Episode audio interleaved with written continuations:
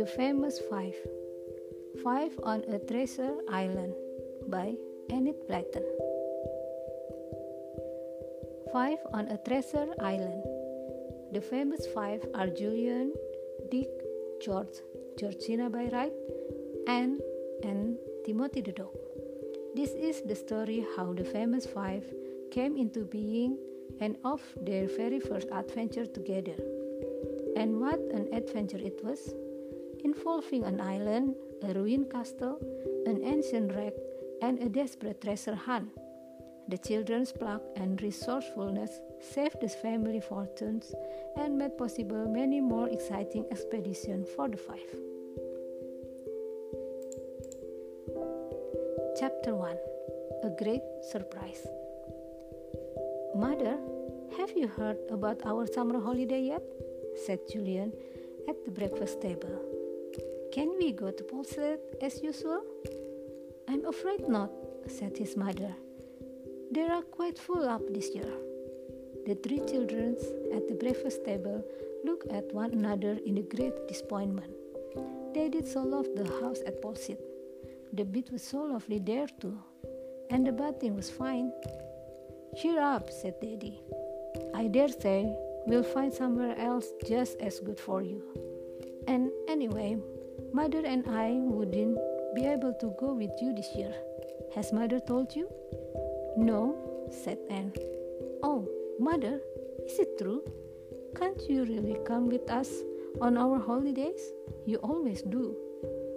Well, this time Daddy wants me to go to Scotland with him, said Mother, all by ourselves.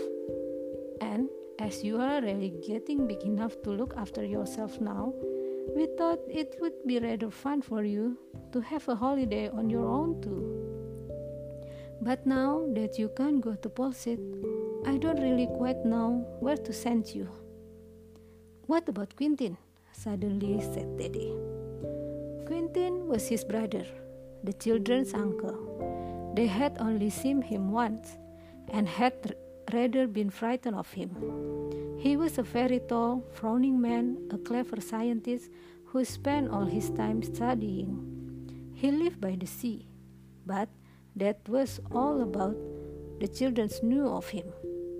Quentin, said Mother, pursing up her lips, whatever made you think of him? I shouldn't think he'd want the children messing about in his little house. Well, said Daddy, I had to see Quentin's wife in town the other day about the business matter, and I don't think things are going too well for them. Fanny said that she would be quite glad if she could hear one or two people to live with her for a while, to be a little money in. Their house is by the sea, you know. It might be just the thing for the children. Fanny is very nice. She would look after them well. Yes, and she has a child of her own too, hasn't she? said the children's mother. Let me see. What's the name? Something funny. Yes, Georgina. How old would she be? About eleven, I should think. Same age as me, said Dick. Fancy having a cousin we've never seen. She must be a jolly, lonely all by herself. I've got a Julian and Anne to play with but Georgina is just one of her own. I should think she'd be glad to see us. Well, your Aunt Fanny said that her Georgina would love a bit of company, said Daddy. You know, I really think that would solve our difficulty if we telephone to Fanny and arrange for the children to go there. It would help Fanny, I'm sure, and Georgina would love to have someone to play with in the holiday. And we should know that our three were safe. The children began to feel rather excited. It would be fun to go to a place they had never been to before and stay with an unknown cousin. Are there cliff and rock and sand there? asked Anne. Is it a nice place? I don't remember it very well, said Daddy, but I feel sure it's an exciting kind of place. Anyway, you love it. It's called Kirrin Bay. Your Aunt Fanny has lived there all her life and wouldn't leave it for anything. Oh, Daddy, do telephone to Aunt Fanny and ask her if we can go there, cried Dick. I just feel as if it's the right place somehow. It sounds sort of adventurous. Oh, you always say that wherever you go, said Daddy with a laugh. All right, I'll ring up now and see if there's any chance.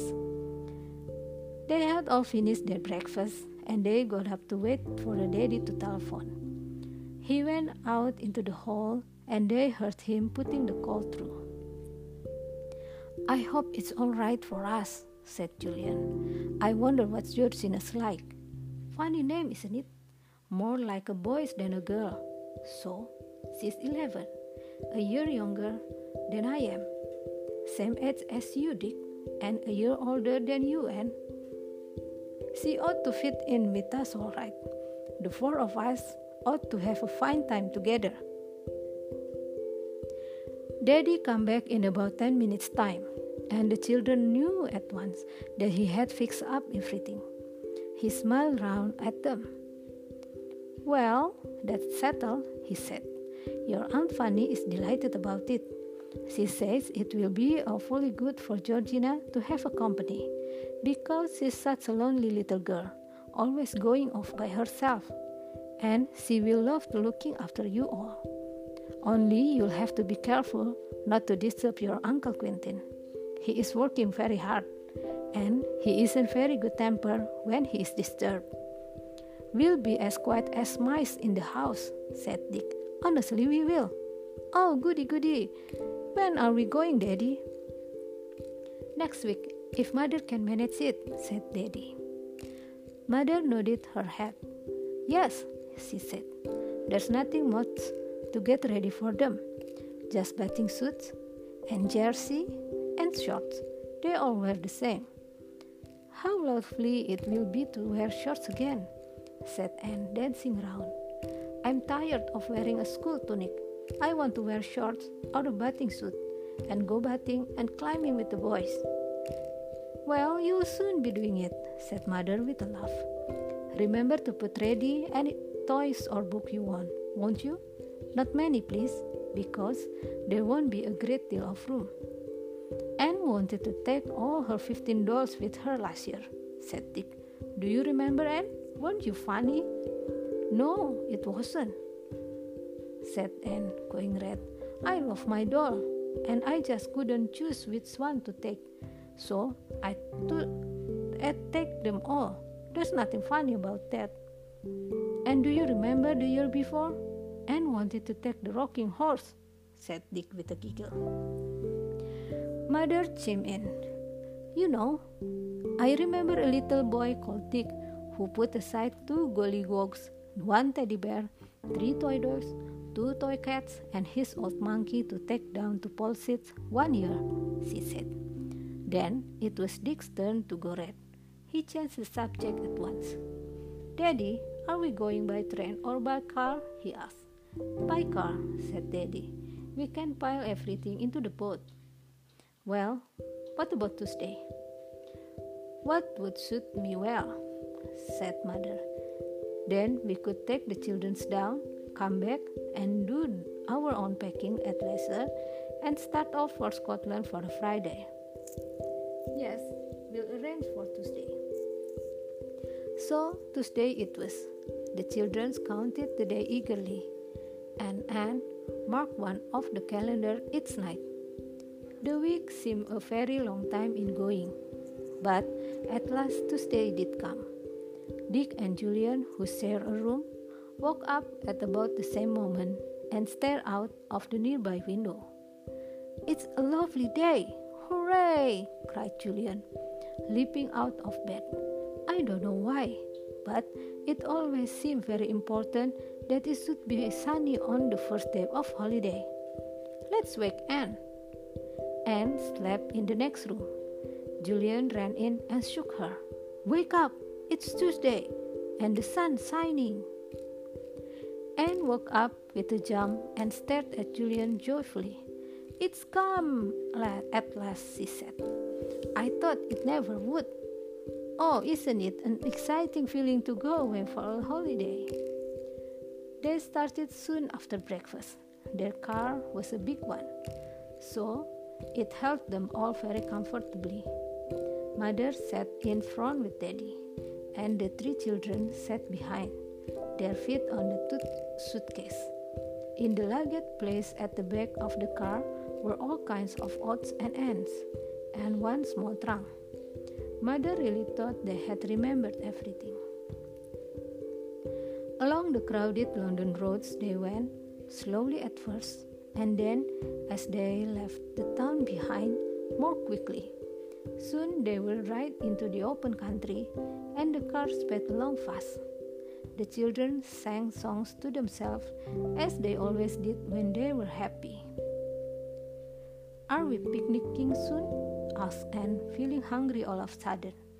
Yes, said Mother, but not yet. It's only eleven o'clock. We shan't have lunch till at least half past twelve, Anne.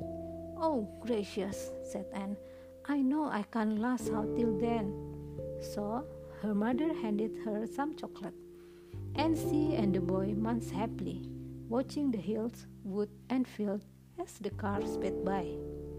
The picnic was lovely. They had it on the top of a hill in a sloping field that looked down into the sunny valley. Anne didn't very much like a big brown cow who came up close and stared at her, but it went away when Daddy told it to.